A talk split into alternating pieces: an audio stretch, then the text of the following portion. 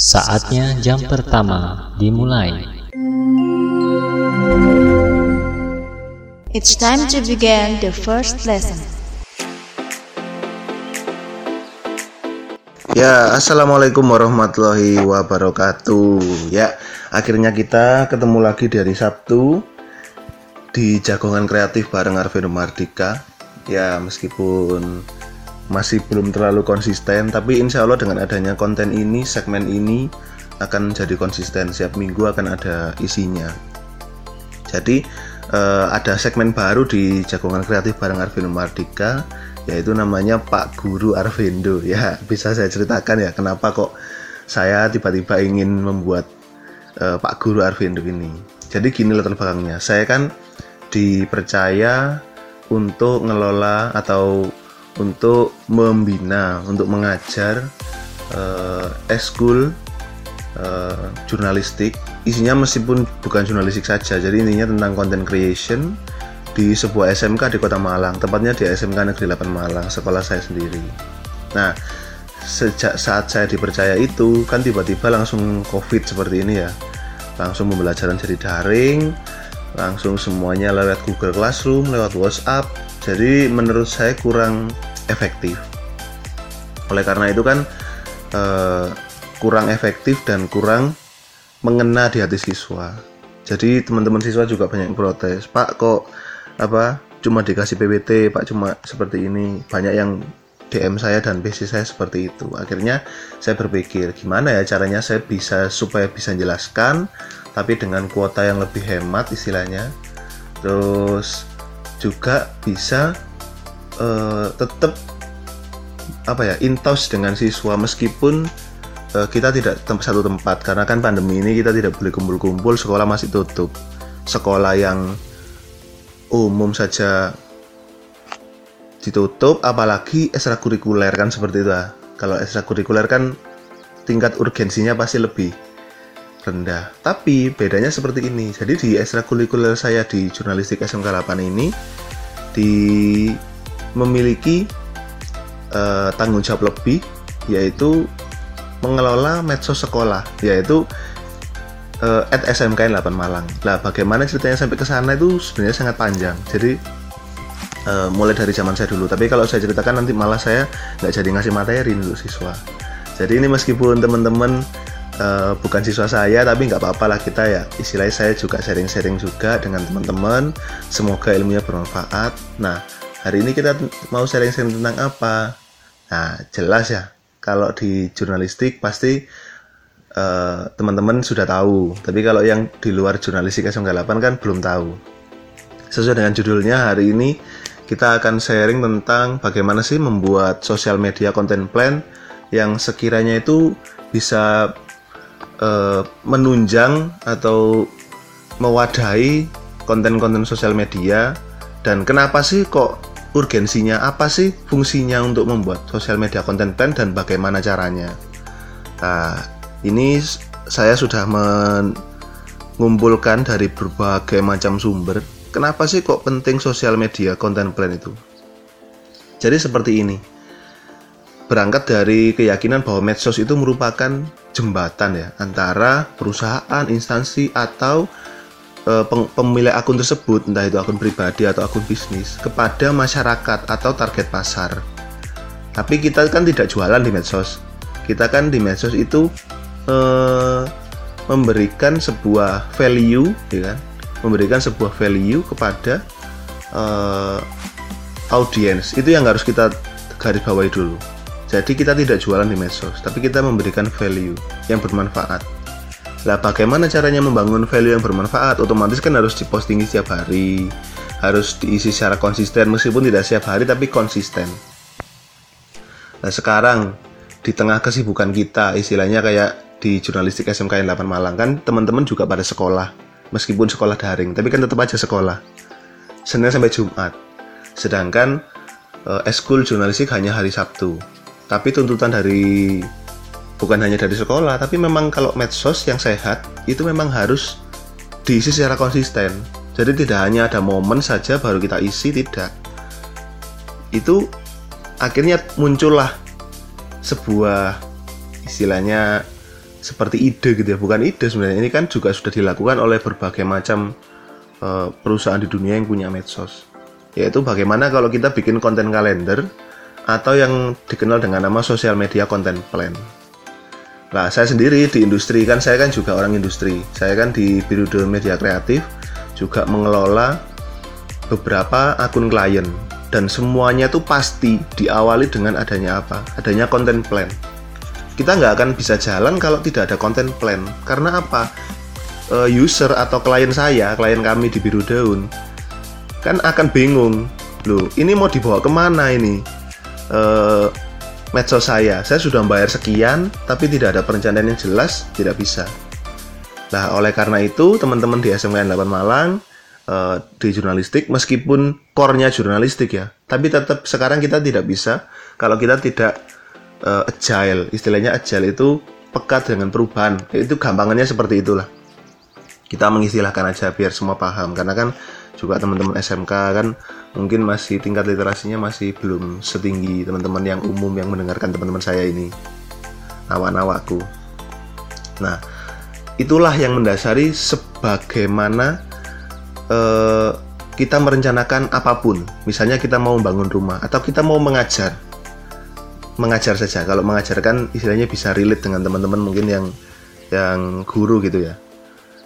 Kita mau mengajar otomatis yang mau disusun dulu apa yang jelas? Salah satunya adalah apa? RPP atau rencana pelaksanaan pembelajaran. Kita mau bangun rumah. Kita harus bikin perencanaan yang matang. Bagaimana strukturnya? Bagaimana bahan-bahan yang diperlukan? Bagaimana budgetingnya atau biaya dan sebagainya? Kita mau liburan. Kita harus merencanakan oh aku mau ke Jakarta. Nanti aku mau ke sini sini sini sini sini sini. Itu hal-hal yang simpel ya. Apalagi istilahnya seperti media sosial yang perlu perawatan. Jadi sekarang sudah tidak ada istilahnya, oh medsos untuk main-main ya tidak ada. Apalagi untuk bisnis, apalagi seorang admin, apalagi seorang pengelola medsos. Ditugasi mengelola medsos itu cukup berat loh. Karena medsos itu merupakan citra lembaga, citra institusi atau kalau dalam hal ini teman-teman jurnalistik ya, itu kan citra sekolah di dunia maya. Kalian salah memberikan postingan di medsos, rusak sudah citra sekolah dan memperbaikinya ya cukup sulit memberikan klarifikasi dan sebagainya. Tapi kalau kita istilahnya merencanakan terus misalnya ada kesalahan juga itu bisa masih kita perbaiki karena waktunya masih ada. Gitu. Lah alasan-alasan membuat medsos ya ini saya kutip dari Hotsuite Hotsuite itu kan uh, sebuah aplikasi pihak ketiga yang saya tahu ya. Aplikasi pihak ketiga yang fungsinya untuk menjadwalkan medsos tapi dia kan sifatnya kan pihak ketiga jadi dia mengirim ke Instagram. Entah sekarang bisa apa enggak ya Hotsuite ya? Yang pertama itu adalah lebih hemat waktu. Karena pemikiran untuk konten dalam sebulan dapat diselesaikan dalam satu hari. Iyalah. Sekarang misalnya teman-teman gini saya punya uang 3 juta. Saya akan kelolakan medsos ke anda. Samean dengan kesibukan sekarang apakah mau mikir konten setiap hari atau mikir kontennya di awal saja setiap hari tinggal posting. Nah itu pasti akan bisa dibedakan ya kan?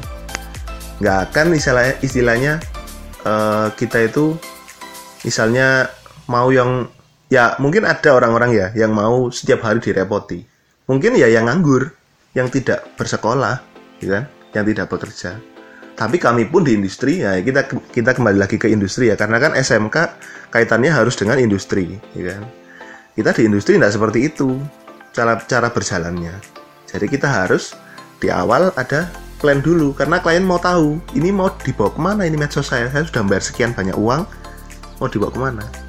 Nah teman-teman jurnalistik jangan orientasi duit dulu. Kita orientasinya belajar dulu ya kan? Kita orientasi belajar nanti kalau sudah lulus misalnya mau bergabung di kami di biru daun atau di agensi yang lain, monggo karena teman-teman sudah punya pengalaman. Jadi jangan sia-siakan, istilahnya gitu. Yang kedua, alasannya kenapa kita bisa kon konsisten dalam memosting. Karena dengan adanya plan itu kan sudah direncanakan di awal semua. Desain sudah ada semua di awal, caption sudah ada semua di awal, target-targetnya sudah ada semua di awal. Kita akhirnya bisa fokus ke apa? Tinggal posting, posting, posting seperti itu. Apalagi sekarang sudah ada kreator studio yang bisa untuk menjadwalkan postingan resmi dari Facebook dan Instagram. Oh, itu kan lebih memudahkan lagi. Apalagi kalau sudah ada plannya. Istilahnya panduan.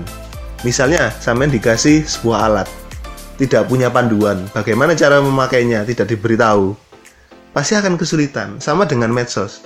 Kalau tidak ada panduan, tidak ada istilahnya konten plan atau perencanaan kontennya yang jelas, bagaimana bisa uh, konsisten posting, Wong perencanaan konten yang masih belum jelas, dan itulah yang terjadi di IG kita sekarang, di IG at SMKN 8 Malang.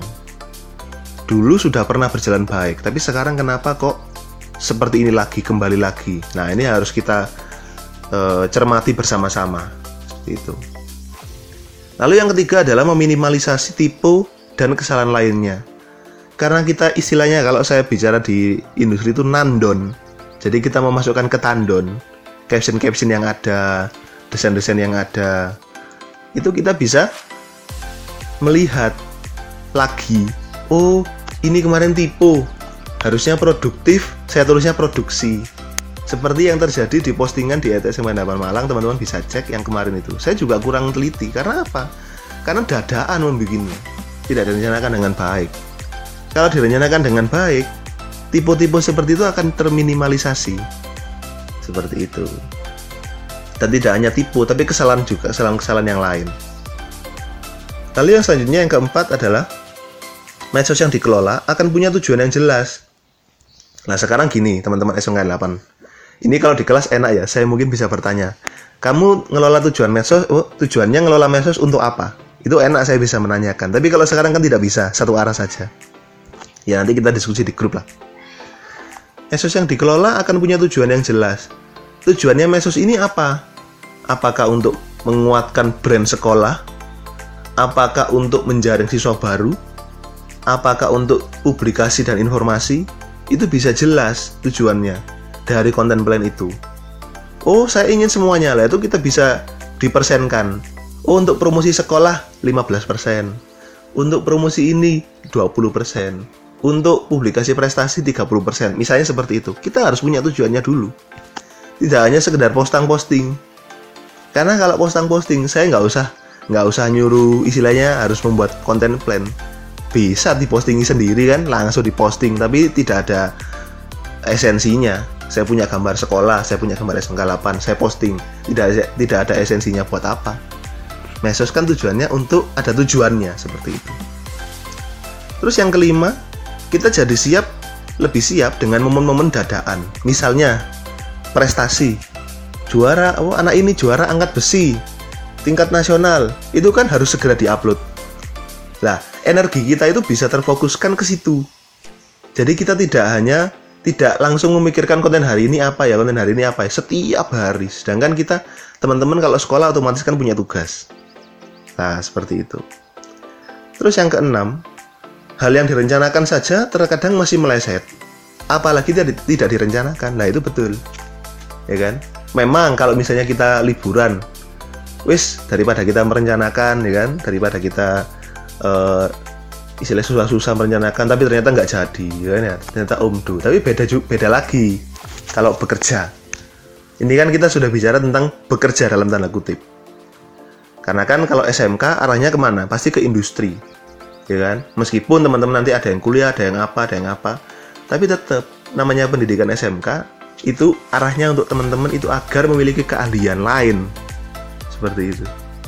Jadi ya ini salah satu keahlian yang istilahnya difasilitasi istilahnya oleh SMK apa belajar jurnalistik belajar content creation belajar content management belajar social media management lumayan ya kan hal yang direncanakan saja masih meleset ya kan apalagi tidak Nah, ini teman-teman diajari untuk merencanakan supaya tidak melesetnya tidak jauh. Gitu. Nomor 7 adalah yang terakhir, terciptanya engagement rate yang tinggi. Apa itu engagement rate? Engagement itu tulisannya engagement, itu loh seperti pertunangan. Nah, tapi artinya bukan pertunangan. Engagement rate itu adalah artinya tingkat keterlibatan. Jadi akhirnya ujung-ujungnya mesos itu akan rame kan ada ya orangnya oh mesosnya rame oh instagramnya rame oh instagramnya sepi karena apa karena apa karena lah karena apanya itu kita pelajari di sini gitu di eskul ini bagaimana membuat sebuah konten bisa menjadi rame istilahnya seperti itu intinya itu gitu kalau engagement rate itu bahasa sederhananya adalah rame. Itu tadi tujuh alasan ya. Sekarang ada tujuh lagi. Tujuh apa? Tujuh cara. Tujuh cara untuk membuat sosial media content plan. Lah dan ingat pembuatan sosial media content plan ini biasanya di akhir bulan atau di awal bulan. Nah, sekarang kan tepat sekali ya ini momennya tanggal 29. Pas men mau menuju September. September kita akan dihadapkan dengan berbagai macam uh, aktivitas dalam kondisi masih pandemi seperti ini. Nah, apa yang bisa kita isi di medsos itu? Seperti itu. Yang pertama, yang jelas yang harus kita lakukan adalah memilih medsos Anda, medsos yang kita mau yang mau kita mau pakai. Pilih media sosial Anda apa yang mau kita pakai? Instagram dengan Facebook hampir-hampir sama. Tapi kalau Twitter, pendekatannya pasti berbeda. Karena lebih interaktif di Twitter. Kalau di Instagram kita posting, ada yang komen. Kalau di Twitter, tidak. Lebih personal. Nah itu kita harus mempertimbangkan juga. Yang kedua, putuskan apa yang perlu diukur. Atau yang apa yang perlu ditekankan. Misalnya, oh bulan ini targetnya sekolah. Ya kita harus berkonsultasi dengan humas ya kan? Atau dengan wakil kesiswaan atau dengan kepala sekolah. Pak ini sekolah ini mau dibawa ke mana dalam satu bulan ini? Oh fokus kita nanti akan mau membangun ini. Tolong dipublikasikan. Lah misalnya seperti itu. Kita harus menentukan dulu. Misalnya oh tidak ada terserah saja. Lah kita yang harus kreatif. Oh bulan September. Sebentar lagi bulan Oktober. September ini sudah tengah-tengah sekolah ya kan ada lagi persiapan UTS, UTS daring. Bagaimana daring belajar daring di rumah? Mungkin kita bisa repost foto-foto teman-teman yang belajar daring di rumah. Jadi banyak yang bisa kita lakukan di medsos sebenarnya, medsos sekolah. Itu. Yang ketiga, buat perpustakaan konten. Ya, itu yang tadi saya sebutkan postingan yang desain, terus kok apa captionnya juga itu. Jadi buat perpustakaan perpustakaan konten untuk medsos Anda jadi kita harus membuat apa perpustakaan konten itu berarti kumpulan-kumpulan konten. Kita nandon itu tadi istilahnya ya kan, nandon. Biar kita tidak kerepotan. Setelah kita bikin uh, perpustakaan konten, istilahnya kita nandon, tapi nandonnya ini belum jadi desain, belum jadi caption. Sekedar kita merencanakan kira-kira nanti ini akan kafling-kaflingnya apa. Di SMK 8 Malang kan ada rubrik namanya Astarohani itu termasuk perpustakaan konten. Jadi rubrik rubrikasi. Sabtu misalnya diisi apa kuliner misalnya. Terus Minggu diisi misalnya apa Senin diisi apa misalnya kut tokoh atau apa. Jadi seperti itu. Terus buat alur kerja. Lah alur kerja ini juga menentukan timnya. Siapa yang desain siapa yang bikin caption siapa yang upload siapa yang harus optimasi siapa yang harus ini siapa yang harus ini. Itu harus ditentukan dulu rule-nya siapa saja yang bermain. Seperti itu. Yang kelima adalah apa? Membuat kiriman Anda atau membuat postingan Anda. Mulai membuat. Nah, itu baru kita e, membuat kiriman ini juga mulai ngelis. Jadi entah di Excel, entah di Word, silakan apa pun bebas. Kalau bisa ini untuk tugasnya teman-teman kita di Excel aja biar biar seragam. Atau misalnya ngelis di grup, ya silakan, nggak apa-apa jadi bikin sosial media content plan ini tidak ada batasannya gitu loh. Kita harus uh, pakai software apa, tidak ada. Nanti mungkin kalau sudah teman-teman terjun di industri akan ada software-software tertentu yang kita uh, harus bikin istilahnya, harus harus menggunakan itu. Tapi kalau istilahnya untuk kepentingan pembelajaran kita belum dulu karena kan kita ini teman-teman masih pertama kali ya belajar merencanakan konten. Yang keenam, terus setelah kita bikin ya, terus kita coba kita brainstorming misalnya berlima atau berberapa ya yang tim adminnya itu ya. Untuk meninjau dan gunakan umpan balik mereka untuk meningkatkan kualitas postingan kita. Misalnya oh ini tipu oh ternyata dia nemu tipu. Oh ternyata dia nemu oh ini sepertinya gambarnya kurang geser ke kiri. Oh sebenarnya ini kurang ke atas. Oh ini kayaknya warnanya kurang tepat oh ini seperti ini. Jadi kita akan bisa mendapatkan pemikiran dari banyak orang seperti itu. Kalau misalnya kita uh, benar-benar merencanakan dengan baik gitu dan terakhir Yang ketujuh adalah mulai menerbitkan atau menjadwalkan. Nah ini admin nggak perlu susah-susah sekarang kalau sudah ada kontennya. Jadi Facebook kan Facebook itu menaungi Facebook dan Instagram sekarang ya. Instagram kan sudah dibeli ya istilahnya oleh Nah itu dinaungi oleh yang namanya Creator Studio diwadahi. Jadi kita bisa menjadwalkan konten itu di Creator Studio. Alamatnya adalah facebook.com slash creator studio. Itu bisa diakses. Yang jelas akunnya Facebooknya dan akun Instagramnya harus terhubung dulu kan gitu ya. Jadi ndak ndak ada kalau dulu kita bicara oh admin Instagram ini, admin Facebook ini, admin Twitter ini tidak ada sekarang. Admin cukup satu saja. Cukup satu saja. Bisa dijadwalkan di Creator Studio itu jadi bisa posting bersamaan. Lah baru untuk mengelolanya misalnya kita mau komen marketing. Jadi kita istilahnya pansos ya kan? Itu kalau sebenarnya bahasa itu namanya komen marketing. Jadi kita marketing di komen. Seperti keju mozzarella khas Malangnya kakak. Lah itu termasuk salah satu bentuk komen marketing. Itu kita baru kita menugaskan teman-teman seperti itu. Itu. Jadi kita nggak usah susah-susah setiap hari kita harus posting memperberat HP kita. Tidak perlu. Kita sekarang bisa menyimpan di awan kan gitu di cloud yang bernama itu Creator Studio itu. Meskipun itu bukan cloud sih tapi setidaknya dia konsepnya seperti cloud. Karena dia merencanakan konten menyimpan konten sampai dia diterbitkan. Itu lah sekarang itu uh, penjelasan saya sudah selesai ya. Sekarang teman-teman tugasnya gimana? Teman-teman yang saya ajar. Jadi silakan teman-teman ini membentuk empat kelompok saja. Nah, empat kelompok, masing-masing harus ada penulis dan desainer. Nah, setiap kelompok merencanakan konten untuk satu pekan selama bulan September. Kan ada empat pekan bulan September. Nah, itu setiap kelompok merencanakan. Misalnya, ini kan sampai tanggal 30 ya September ya. Misalnya dibagi 1 sampai 7, 8 sampai berapa. Jadi dibagi aja kelompoknya aku mau empat kelompok lah nanti empat kelompok ini merencanakan konten dalam pekan itu dan itu harus ada desainer dan ada uh, yang nulis atau penulisnya atau content writer istilahnya kalau di industri. Gitu ya. Itu uh, setelah ini setelah kamu mendengarkan ini langsung ngelis di grup wartawan Kananta ya ini untuk teman-teman yang uh, eskul ya. Kalau teman-teman yang uh, non ekskul yang mendengarkan podcast saya, ya anggap saja ini teman-teman lagi mendengarkan saya mengajar. ya, itu paling lambat saya tunggu hari ini jam 16.00 harus sudah ada konten plan. Ya. Kita Sabtu-Sabtu harus produktif dan jangan lupa sebentar lagi ada webinarnya Pak Kepala Sekolah ya, jam 10. Teman-teman wajib kalau saya bisa mewajibkan mewajibkan ikut itu karena uh, ini insya Allah akan sangat uh, bermanfaat ilmunya karena kita uh, bertemu dengan tokoh-tokoh nasional ya di webinar ini. Dan yang jelas pasti ilmu bermanfaat dan ilmu yang bermanfaat itu merupakan salah satu bentuk dari amal jariah. Oke, itu aja teman-teman uh, baik yang eskul jurnalistik maupun yang di luar itu.